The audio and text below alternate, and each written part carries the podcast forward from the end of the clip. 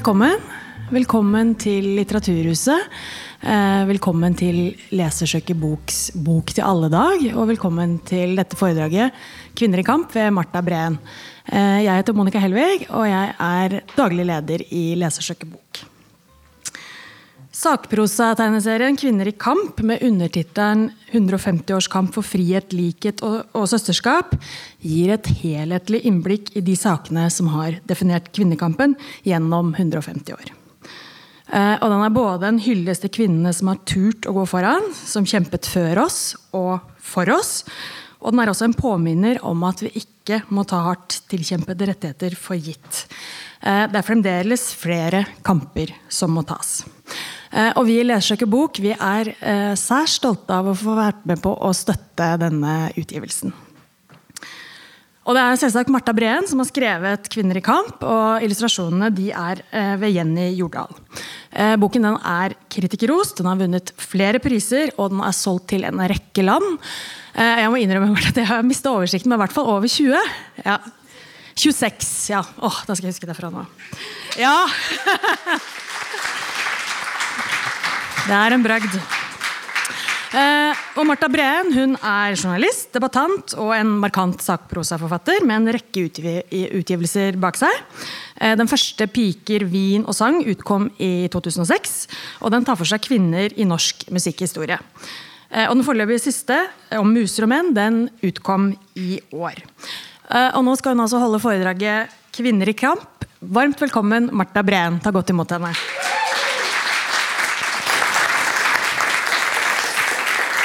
Tusen takk. Og takk for invitasjonen hit, og takk for støtten fra, fra Lesersøker bok. Eh, dette er eh, den andre boka eh, jeg har gitt ut med, i samarbeid med Lesersøker bok, og det er, har vært veldig fruktbart, og jeg anbefaler andre som skriver om å, om å samarbeide med dem. I Bergen er det, er det flere statuer av buekorpsgutter enn av kvinner. Det er eh, to kvinner og syv buekorpsgutter. Nå ser det ut som jeg har veldig dårlig fantasi da, når jeg kommer med en bok som heter 'Kvinnekamp' og en som heter 'Kvinner kamp'. Men den, her, den har en undertittel som jeg trodde skulle stå litt større. da. 'Foreningens skuld. Norges første bøllekurs for jenter'. Um, den ble gitt ut på Nasjonalbiblioteket og er liksom basert på uh, deres arkiver. Uh, Foreningens skuld, er noe som, har dere hørt om dem? Så kult navn. Skuld. Det er jo da forløperen til Norsk kvinnesaksforening. Det, det var seks jenter jeg sier jenter, for de var jo unge. 17 år var yngste, Betzy Kjelsberg. Eh, og, eh, som hadde lyst på utdannelse i en tid hvor det var forbudt for eh, kvinner. Og En som het Marie Holst hun kom fra Vefsn i Nordland. og Hun ville gjerne ta utdannelse som lege. Eh, men hun fikk jo da beskjed, som alle andre eh, som hadde kommet på den ideen, om at det er bare én utdannelse for kvinner etter eh, fram, folkeskolen, da, eller framholdsskolen, eller hva det var. Det var guvernantekurs. Toårig guvernantekurs. Det var veldig mange som hadde utdanning som det. Men hun ville jo da som sagt bli lege, og bestemte seg for at hun da må jo jeg få tatt artium. Så dro hun fra Nordland ned på Tullinløkka her og banka på en privatskole og sa liksom Hei, kan jeg få ta artium hos dere? Nei, nei, det, da vil ånden i skolen lide, var svaret, da. Eh, det bli for mye eh, hormoner i spill hos gutta og sånn. Og så mm, Da hyra hun i stedet en, sin egen eh, lærer fra den skolen, som tok på seg å undervise henne eh, privat. Og, men for at det skulle lønne seg for han, så måtte han ha flere elever. Så han satte inn en annonse. Artium-kurs for eh, kvinner. Og så meldte det seg opp da fem andre jenter. Og Det var bl.a. Betzy Kjelsberg, som dere sikkert har hørt om, som er med i, i 60 damer-boka. Og, og, det var eh, noen, eh, flere andre kvinner som blei viktige i kampen for eh, den første feministiske bølgen i Norge. Så det Boka handler om disse, og, og de skjønte jo etter hvert at eh, de tok jo artium, og de blei de første studentene og de første legene, og sånne ting, eh, men de begynte også å, å invitere til kvinnesaksmøter. De kalte det ikke det, man gjorde ikke det på den tida. Det var liksom leseforening og diskusjonsklubb og sånn. Men det var jo rett og slett kvinnesak som sto på tapetet. Og så, og så blei de da til Norsk kvinnesaksforening. Veldig eh, fantastiske heltinner, som selvfølgelig ikke verken har statuer eller gater eller navn eller noen ting. Men man må jo ja, fylle det ut sjøl. Uh, 'Muser og menn' uh, den handler om kulturlivet sånn spesielt, og litteraturfeltet. Uh, den skal jeg ikke snakke så mye om nå, for det er en helt annen historie. Men, da, men, jeg skal holde meg til 'Kvinner i kamp'. Men, men akkurat dette med F-ordet Dette er jo da som sagt ungdomsboka. Og vi kaller det F-ordet for å markere at ordet feminist da fremdeles er betent. Jeg får mye sånn rart på min blogg. Aggresjon mot, mot ordet. Og, og, og sånn ja, hyggelige, åpne spørsmål som det her. Hva er greia med feminisme, og hvorfor hater feminister menn? Um, ja, uh, Fint at folk er interessert, tenker jeg da. Jo, er, jeg fikk også den her fra en som het Kjell. Umulig å støtte dere feminister før dere i det minste er ærlige om at dere hater menn.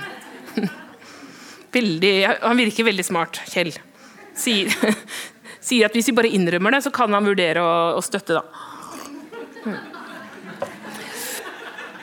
Men feminisme det må man jo dessverre liksom, man må ofte begynne her da, for å liksom, få det ut av veien. Eh, at det ikke handler om mannshat. Men eh, det er eh, et ord som beskriver kampen mot sexisme. Altså, Sexisme er jo et engelsk ord, men det jo, betyr kjønnsdiskriminering. Så det er kampen mot kjønnsdiskriminering. Feminister vil ikke at kjønn skal begrense din frihet eller dine muligheter i verden. Stort sett gjennom historien og fremdeles i dag, så er det kvinner som har møtt begrensninger pga. kjønn, som har fått høre at dette området er stengt for deg pga. at du er kvinne. Her kan ikke du eh, være pga. at du er kvinne. Det er mye sjeldnere at man har sagt til menn eh, du får ikke lov til eh, pga. at eh, du er mann. Så Derfor så har dette ordet denne altså den kvinnelige klangen som mange da, menn syns er litt skummelt å forholde seg til. Menn syns det er vanskelig å kalle seg feminist, fordi det er så femi, og femi er flaut for menn. Kvin menn forbinder alt feminint med svakhet, og det er noe man må ta avstand fra. Men eh, det er, så når, når folk sier kan du ikke kalle det humanisme, da? kan du ikke kalle det likestilling, så skremmer vi ikke bort alle disse mannfolka. Eh, nei, vi kaller det feminisme, for vi må uh, vise uh, Det er her kampen har stått, og det er her kampen står fremdeles. Det betyr ikke at menn ikke også kan diskrimineres på bakgrunn av kjønn. Det kan absolutt skje, og det hører vi heldigvis mer og mer om. Den samtalen kan man åpne opp uh, mer og mer, syns jeg. Hvilke områder er det menn kommer uh, dårligere ut pga. kjønn? Uh, de er ikke så flinke til å snakke om det selv uten å på en måte samtidig sparke på kvinnebevegelsen, syns jeg, dessverre. Men det tror jeg er et rom vi kan åpne etter hvert. At man går an å snakke om menns problemer uten å nødvendigvis diskreditere hele kvinnebevegelsen. Um, Antirasisme det er selvfølgelig kampen mot rasisme. Det sier seg selv. Eh, de het, altså, de, eh, rasisme har jo stort sett ramma eh, ikke-hvite. Ikke det kan også ramme hvite, men stort sett ikke. Så det, er, liksom, de, de, det, er mange likheter mellom eh, disse motstandsbevegelsene her, feminisme og antirasisme, fordi kjernen i sexismen og kjernen i rasismen er nesten den samme. Den handler om at det er noen i samfunnet som har definert seg selv som normen.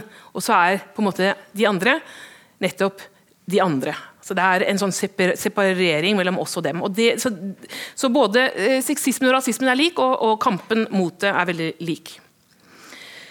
Um, dette, denne boka handler jo da om hvordan man begynte å snakke om eh, sexisme eh, i verden. Uh, ordentlig for første gang. Eh, og vi begynner boka på 1800-tallet, på midten av 1800-tallet. Eh, her med bilder fra en tegning fra borgerskapet. Da. Kvinner og menn levde veldig forskjellige liv for 150 år siden. Eh, kvinner hadde selvfølgelig langt færre rettigheter. De hadde ikke rett rett til å stemme, det vet vi, men de hadde ikke rett til å eie egne penger, eh, til å tjene penger, til å ta utdannelse. De hadde ikke rett til eh, skilsmisse. Hvis de mm, da likevel ble skilt, eller gått ifra, eller gikk fra noen, så, så mista de retten til ungene sine. Eh, de var rett og slett umyndige. På samme måte som et barn eller en slave på den tiden.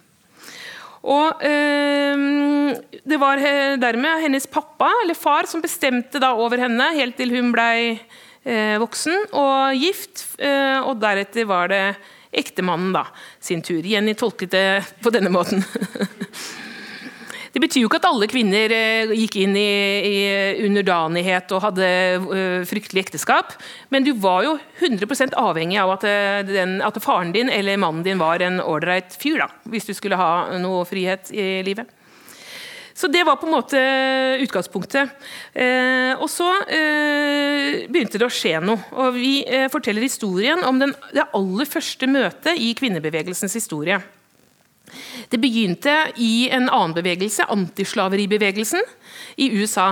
Det var jo mange mennesker som jobba mot slaveriet i mange mange tiår før det ble oppheva. I den bevegelsen var det mange kvinner som var engasjert. Eh, så ble det arrangert en stor eh, kongress i, eh, ja, se, i London, hvor disse amerikanske kvinnene dukka opp i 1840. Og så fikk engelskmennene da helt sjokk, fordi kvinner skulle jo ikke være med i en sånn politisk sammenheng. De visste ikke hva de skulle gjøre. De hadde jo reist da langt over hele Atlanterhavet. Eh, og så vi visste ikke helt om de kunne sende dem hjem igjen, så de bestemte seg da for å sette opp et forheng gjennom hele rommet. Og så kunne da kvinnene gjemme seg på, eller sitte bak der og være stille og høre på mennene som prata. Og det var eh, Det ble tatt dårlig imot, rett og slett. Veldig. Eh, det var på en måte siste eh, dråpen som fikk begeret til å renne over for disse damene. Blant annet to som het Elizabeth Cady Stanton og Lucretia Mott. De så liksom på hverandre og sa at nå er det kanskje på tide å begynne å snakke om kvinners rettigheter. Så dro de hjem igjen til USA etter dette her og begynte å forfatte på en erklæring om likestilling. De tok utgangspunkt i den amerikanske uavhengighetserklæringen, som eh, begynner sånn berømt. ikke sant? Eh, All men are created equal. Og så kommer det masse fine rettigheter som de da hadde fått ned på papiret, men de gjaldt jo da for all men hele veien. Det var for borgere, og det var menn. Og Da tok de rett og slett i papiret og begynte å føye på. liksom, Og kvinner. Og kvinner. All, all men and women. and women. Uh, men tok utgangspunkt i det samme. ikke sant? Også kvinner må ha rett til utdannelse. Også kvinner må ha rett til uh, økonomisk selvstendighet eller til skilsmisse. Så inviterte de da i uh, eh, 1848 i staten New York, Seneca Falls heter den byen, til en ny kongress hvor, de, hvor, det kom da 100 menn og kvinner eller noe sånt, som skrev under på denne nye erklæringen. Og Det blir regna som det første møtet i kvinnebevegelsens historie. For Det er første gang man organiserte seg. Man hadde snakka om feminisme eh, altså, i eh, mange århundrer. Det har jo eh, masse eksempler på, til og med i middelalderen.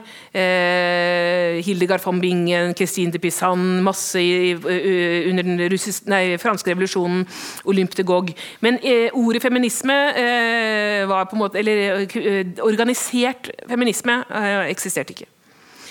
Så Den oppsto på midten av 1800-tallet, og de tre viktigste sakene som eh, kvinnebevegelsen har jobba fram, eh, er, eh, har vi delt inn på denne måten, med litt pedagogisk i boka, med sånn fargekoding og sånn. og Det er jo da rett til å få utdannelse, yrke og mulighet til å tjene egne penger. Retten til å stemme ved politiske valg og retten til å bestemme over sin egen kropp. Og veldig mange i Norge tenker det her er liksom kamper vi tok for 100 år siden, og vi er helt ferdig med det.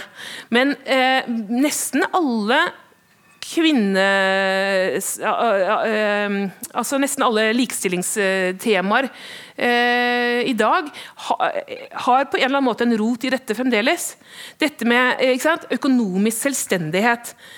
Det er enormt mange kvinner i verden, eh, men også i Norge, som ikke er reelt økonomisk selvstendige. Eh, fordi man kanskje har eh, jobber i et typisk kvinneyrke, som er mye dårligere betalt. Kanskje man har tatt veldig mye mer ansvar for eh, hjem og familie og eldre, og dermed jobber deltid og har lavere pensjonspoeng. Kanskje man har gifta seg med nordmann og kommet fra et annet land og har egentlig ingen reell økonomisk frihet, osv. Og, og på verdensbasis selvfølgelig er det jo helt dramatisk ulikhet. Eh, den politiske, altså det å stemme der er vi heldigvis kommet veldig langt uh, i demokratier. Nå er det jo dessverre veldig mange land som ikke er demokratier. Da kan verken kvinner eller menn stemme. Uh, men det siste landet som fikk stemmerett for kvinner, var Saudi-Arabia i 2015, tror jeg. Eh, til og med i Saudi-Arabia går det framover. Det er mye som går bakover der også, på samme feltet. Men, men i Saudi-Arabia eh, fikk jo kvinner for to år siden lov til å kjøre bil. Eh, og nå får de lov til å bevege seg utendørs uten anstand. De kvinnene som kjempa fram denne retten til å kjøre bil i Saudi-Arabia, de sitter fengsla. Så det er Retten til å bestemme over sin egen kropp det er en kamp som vi forbinder med 1970-tallet i Norge. Fordi det handler om abortkampen og seksuelle revolusjonen og alt dette her. Men uh, den, det er jo den uh, Metoo kommer jo også inn her. All debatt om voldtekt og om angrep på abortloven handler om dette. Så det er evig aktuelle temaer. Når det gjelder den, eh, den røde boksen her, da, så uh, har vi valgt å fokusere ganske mye på Storbritannia. fordi at uh, Det var jo de som hadde den mest aktive stemmerettsbevegelsen, eller mest dramatiske kampen. Uh, begynte, vi forbinder det jo da med, med hardtslående suffragetter, men, men, de begynte veldig moderat og, og, rolig. I år etter år så mm, brukte de underskriftskampanjer, rolige demonstrasjoner og sånn. De, men de ble jo ikke hørt. Saken ble aldri tatt uh, alvorlig. Og så var det da noen som mista tålmodigheten. Og Det var uh, bl.a. Emmeline Pankhurst her, som var leder for suffragettbevegelsen. Uh, og de, de, var jo en geriljagruppe, kan man egentlig kalle dem det. De, de, altså I løpet av to år der, 1912 og 1913, så satte de i gang mer enn eh, altså Mange hundre var det eh, aksjoner, og noen av dem ganske voldsomme. Eh, de knuste ruter, eh, lenka seg fast i gjerder, satte fyr på postkasser og lagde eh, små bomber og faenskap. Eh, og særlig hardt gikk det utover steder og områder i samfunnet hvor, kvinner var, var, var forbudt for kvinner. Hvis du var en, eh, en pub hadde, hvor det ikke var lov for kvinner å gå inn, eller hvis det var på golfbanen, det var jo ikke lov for kvinner å spille golf. Og Da var det en dag på en sånn svær golfbane utenfor London hvor de, eh, hvor de seg inn på natta, og så klipte de i greenen, eller gravde ut sånn om det sto som 'No vote, no golf'. over hele, den var helt ødelagt. Veldig gøy. Um, folk fikk jo sjokk, ikke sant? fordi at man, altså, dette passa jo ikke inn i det uh, synet man hadde på kvinnen. Man trodde jo rett og slett, var helt overbevist om at kvinnen var jo lagd av noe, et annet materiale. Altså At man ikke hadde dette i seg, uh, i verken interesse for politikk eller uh, evnen til å lage trøbbel. Ehm, de hadde jo, en av de mest kjente aksjonene deres var når de bomba herskapshuset til en eh, britisk politiker, som senere ble eh, statsminister. Men det, det, skal sies at eh, han var jo ikke hjemme, og det var de klar over. De prøvde jo at ikke det skulle gå utover noen. Da. Det var sånn kvinnelig terrorisme. Ingen skal få vondt. så det var, de var, og det gikk jo uh, stort sett greit. Uh, jeg tror ikke det var noen det var bare, altså det, Av dødstall så tror jeg det bare var suffragetter som, som døde. Blant annet da Emily uh, Davison, som da blir sett på som, den, som martyren til denne bevegelsen. Da. Hun hoppa foran kongens hest under et veddeløp og blei trampa i hjel. Og på hennes gravstein, som det fremdeles kommer eh, tilreisende feminister og legger ned blomster, der står det da slagordet til suffragettene 'handling, ikke ord'. Fordi nå har vi snakka og snakka og snakka, nå vil vi at noe skal skje. Så, eh, men de ble jo arrestert, selvfølgelig. Og Emilyn Pankhurst var en av de mange hundre som satt eh, lange fengselsstraffer. Eh, I fengselet ble de banka opp og voldtatt og mishandla, og mange gikk ut i eh, sultestreik. Eh, da ble de tvangsfora på den, på den, verste måten, sånn som man gjør med gjess. Hvis dere har sett sånn tvangsfòring, når man putter den i halsen der. Ingen må spise gåselever. Eh, og når de var veldig svake og syke, og sånn, så ble mange av dem sluppet ut. Det tar seg jo ikke ut at uh, borgerskapsfruer dør i, i, fengslene.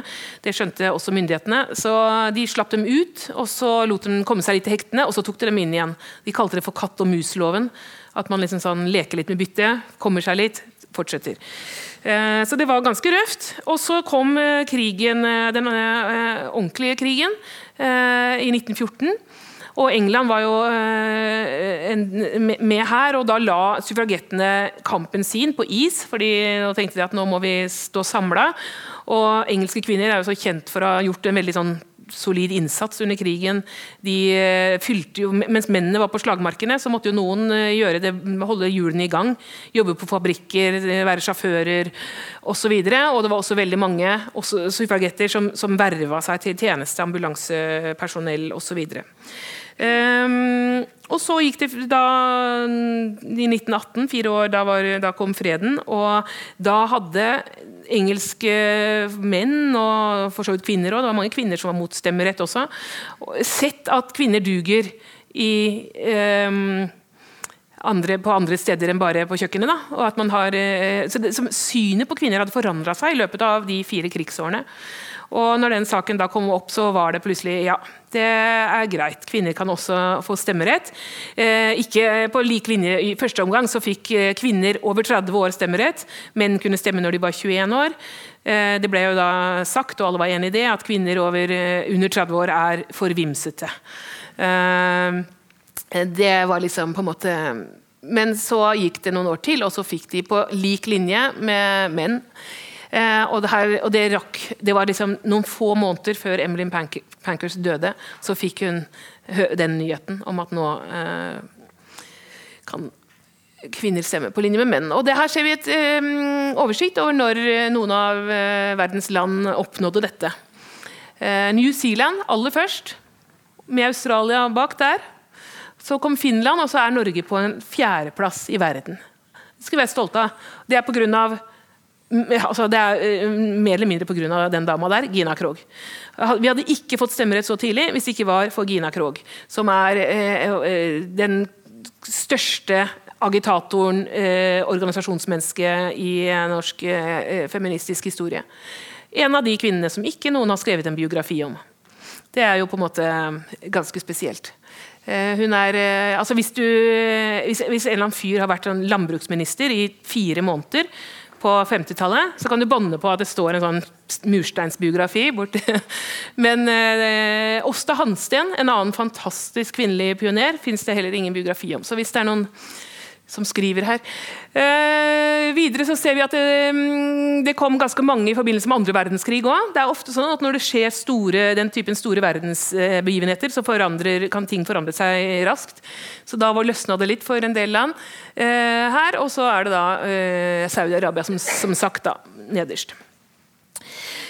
Um, denne, dette er jo også en tredjedel av boka. for jeg, Dette er et av de temaene jeg kanskje syns er viktigst. Eh, hvis du skal eh, være et fritt menneske, så må man eh, kunne kontrollere sin egen kropp. Det er ikke det, det, det, noe mer eller mindre det samme som Katti Anke Møller sa, og disse eh, pionerene på dette feltet. For den, Dette handler jo ikke bare om 70-tallet. Det begynte jo på samme tid som stemmerettskampen. At man snakka om hvordan man kunne eh, få kontroll over fertiliteten. Eh, for 100, litt over 100 år siden så var jo mange kvinner gikk gravide nesten hele sitt voksne liv. Det var én graviditet etter den andre. hele veien.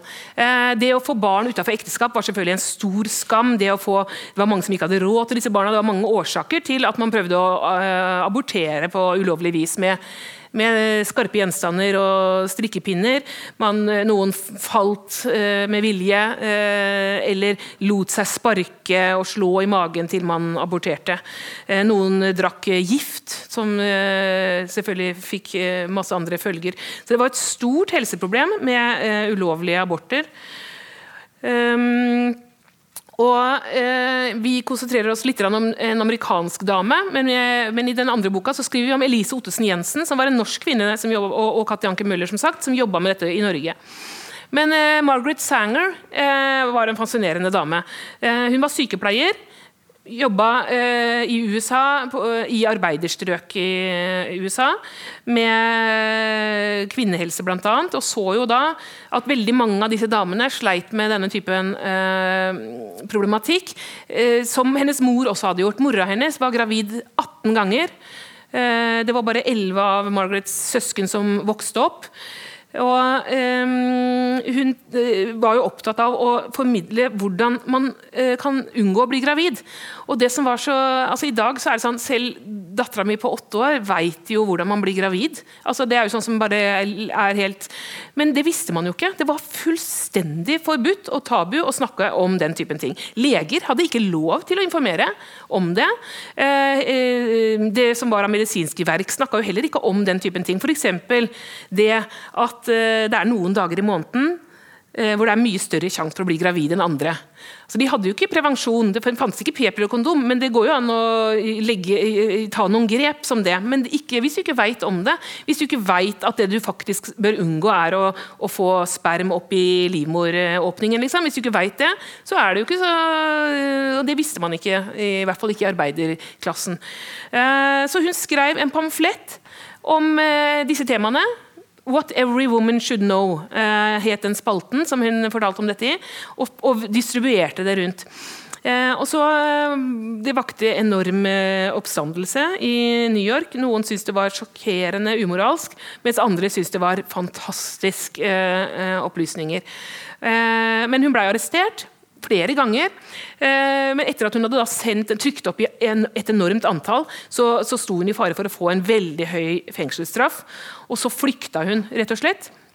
Nå er vi sånn rundt 1912-13. Eh, og så flykta hun til eh, Europa og var i flere europeiske land og prøvde å finne ut hva andre drev med på dette feltet, og hvor de var kommet. Og så kom hun til Nederland. Og Der var de litt mer liberale. Det er, de ofte i Nederland. og det, der hadde de da, Nå hadde også gummiteknologien utvikla seg ganske mye på kort tid. Eh, så her kom hun over denne nye oppfinnelsen som heter Pessar. Eh, dere vet jo hva det er. Ungdomsskole, eller jeg snakker på ungdom vet jo ikke hva dette er. i det hele tatt. Den er ute av drift igjen. Men rett og slett noe som minna om, om, det som folk hadde brukt. Det var flere som hadde brukt, prøvd å lage egne pesarer. For man skjønte jo at man skal prøve å, ja, Noen hadde skåret over sitroner i to og gravd ut innholdet og så trykt den opp i, over tappen. Høres ikke så deilig ut. Eh, men, men, i hvert fall dette var jo da en veldig mm, flott oppfinnelse, og hun bare Yes! Den skal vi ha i USA! Så hun smugla det kasse på kasse over Atlanterhavet. Eh, og var jo da, etter et års tid da, så, dro, så, så dro hun hjem igjen til USA. Åpna USAs første mødrehygieneklinikk sammen med søstera si, som også var sykepleier. Og Den eh, var åpen i ti dager før de ble arrestert. Da. Og, men da hadde de rukket å eh, utstyre 488 kvinner med pesar. Eh, de må ha travle dager. De men det, og det var på en måte litt det som skulle til. Altså, fordi at da uh, gikk jo jungeltelegrafen. Så mange Selvfølgelig også menn syntes jo dette var en fantastisk idé. Det begynte jo liksom bare, Alle skjønte at dette her er eh, klokt. Eh, ikke alle, da, men mange. Og nok til å legge et press på at, man, eh, at, man, at det ble tillatt for leger å, eh, å dele ut pessar til gifte kvinner. da. Ugifte kvinner skulle selvfølgelig ikke ha sex, men gifte kvinner. Så det var første skritt. Lite skritt. Eh, og Margaret Sanger hun kunne jo lent seg tilbake og bare sett eh, liksom, prevensjonskampen gå, gå, gå, videre. Men hun eh, var jo over gjennomsnittet eh, oppegående dame. Hun hadde begynt å tenke på at kanskje det fins noen bedre eh, varianter her. Hva om det hadde gått an å ta en pille? Eh, og så blir du ikke gravid. Det, når, hun, når, hun, begynte å snakke om dette, så må det høres ut som science fiction.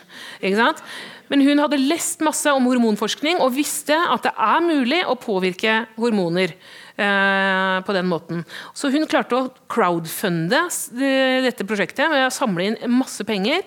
Eh, og ansatte en forsker som heter Gregory Pincus. Og han forska i mange år på hennes midler, eh, bl.a. på kaniner. Eh, og eh, i eh, mai 1960 så godkjente amerikanske helsemyndigheter denne lille magiske pilla. Så på mange måter kan vi si at Margaret Sanger er den seksuelle revolusjonens mor. Hun levde jo Hun rakk å oppleve det Hun levde til 1966, og hun fikk se en stor forandring.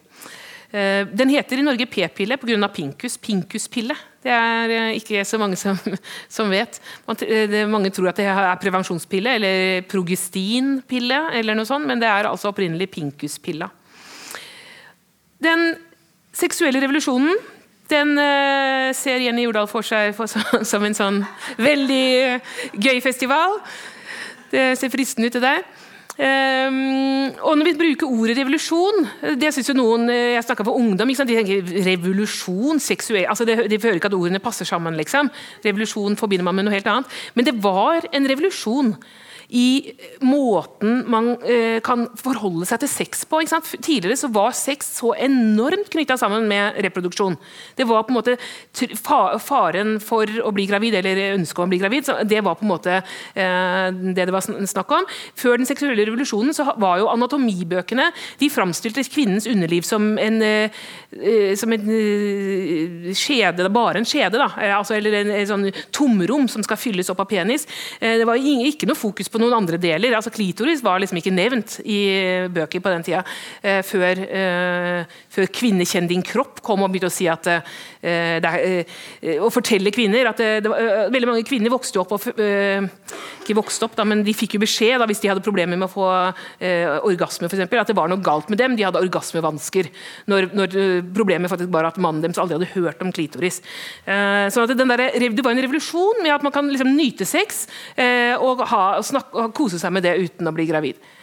Det som er veldig trist, det er at når boka vår kom ut i um, USA for uh, et års tid siden, så så dette bildet her sånn ut. Så dere forskjellen? Hmm. Eh, det er jo eh, Amerikanerne de har angst for kvinnelige brystvorter. Og, og, det må på en måte dekkes til. og Det føler jeg at det blir ganske parodisk når det er liksom eh, landet som på en måte sparka i gang den seksuelle revolusjonen, land of the free og alt det her, og så har de den typen eh, sexistiske regler. Um, Boka har jo som nevnt kommet ut mange steder, og jeg har lært eh, voldsomt mye eh, positivt, men også mye trist eh, av det. Eh, fordi man må forholde seg til disse landene og deres regler. Eh, det er ikke mye vi har tillatt endringer. Vi tillot dette, disse brystvortene fordi det var liksom på en måte den eneste måten å få boka ut på det store markedet i USA. Eh, var, vi, vi benytter jo enhver anledning til å gjøre narr av dem for det, men, eh, men allikevel vi følte at vi Det er jo fint å få, få den ut der. Men i Russland, som dere ser her, eneste rosa boka der er boka plasta inn og har fått 18-årsgrense fordi vi skriver om homofile rettigheter. Så du må vise legitimasjon på at du er over 18 år for å få kjøpe boka. Um, så det er mange, jeg har, også, jeg har, reist mye rundt nå. Jeg var i Russland, jeg var i Brasil eh, og snakka om dette her. Jeg har vært i Serbia, og i Ungarn og Polen. og veldig mange av disse landene så går ting i helt feil retning. Eh, Brasil, og USA og Russland er jo de tre, tre, av de aller største landene i verden. De blir alle nå eh, ledet av eh, sexister, eh, til dels høyreradikale. Eh, i, I Polen og Ungarn så prøver man eh, å ta, fjerne masse rettigheter som kvinnebevegelsen har kjempa fram når det gjelder abort, og også seksualundervisning, når det gjelder homofiles rettigheter. Eh, har, I Polen har de nå eh, erklært en rekke byer for homofrie soner. Så det er eh, ganske dramatiske ting som pågår, og det er ganske viktig at vi som er så privilegerte her i Norge, ser dette her og ser det i sammenheng og stå, er veldig tydelige på hva vi mener om saken. Um, jeg, jeg, jeg, jeg, reiser litt rundt altså 8. mars er jo kanskje den travleste dagen for, for, min del. Eh, I Norge så ser vi jo på det som en politisk kampdag, sånn stort sett. Det er jo ikke alle som deltar, men, men det er jo i hvert fall en dag vi snakker om politikk. Mens i, rundt i, i, Italia, og i Serbia, og i Polen, og Ungarn og Russland så ser de på 8. mars som en dag hvor man skal gi kvinnen i sitt liv liksom, vakre blomster og, så, og litt sjokolade og en sånn øh, ja, klapp på skuldra for å gjøre så bra innsats resten av året. Liksom. Eh, så det er noe som jeg prøver å eh, snakke om når jeg er ute. Da. Eh, Jenny lagde en liten tegneserie vi var, etter vi var i Russland i juni. Vi sitter da spente og forventningsfulle for å etter å ha holdt foredrag og få spørsmål fra salen. Og de var som, som det her da. Er det lovlig å snakke om feminisme på norske skoler? Eh, hvordan reagerte foreldrene dine da du sa de var, du var feminist? Eh, får dere mange trusler? Hvordan hvordan, det var det flere som spurte, hvordan har dere klart å få norske menn til å ville være sammen med barna sine frivillig? Jeg skjønte jo ikke spørsmålene engang. Vi bare, vi bare eh, er det et problem å Is it a problem combining being feminist and writing books with your personal life? Og da, da var vi bare mm, Ja. Så det er eh, de, Vi lever i ulike verdener, og det er eh, ja, dette, er, dette må du ikke si til noen, for det er hemmelig å Si. Men jeg skrev denne boka i sommer, som er en sånn liten håndbok hvor jeg samler opp denne typen erfaringer. For jeg ser jo da at hvis du mm, bor i et samfunn hvor det er, feminist er et skjellsord, så trenger man kanskje noen tips og råd og noen klapp på skulderen for hva man kan svare svare, og hvordan man kan forholde seg til eh, denne typen motstand. Eh, mye sånne klassiske ting som at det er sånn råd om å kalle deg feminist. Ikke begynne å si sånn 'Jeg er ikke feminist, altså', men, eh, men bruk det ordet. Eh, vær, eh, vis søstersolidaritet. Følg, vær våken. Den typen ting. vi må kjenne igjen tilbakeslaget og kvinneforakten, også når den forkler seg med fine ord som å beskytte kjernefamilien eller å ta vare på de tradisjonelle verdiene. Det handler om om å ta fra kvinner eh, rettigheter, stort sett. Det handler om å dytte ting eh, tilbake eh, til en tid som disse patriarkene drømmer om, da, når kvinner var kvinner og menn var menn, eh, og til, ingen hadde hørt om LHBT. Um, så eh, Jeg avslutter litt der med at den der liksom det, å, det, det, å, trakte etter den, nostalg, det nostalgiske fortiden, det er ganske farlig. Kun hvite heterofile menn som på en måte kan ta seg råd til å, å være nostalgiske. og vi, Alle vi andre eh, har eh, på en måte må se framover, eh, og ikke bakover. Så eh, med det så sier jeg eh, tusen takk for meg.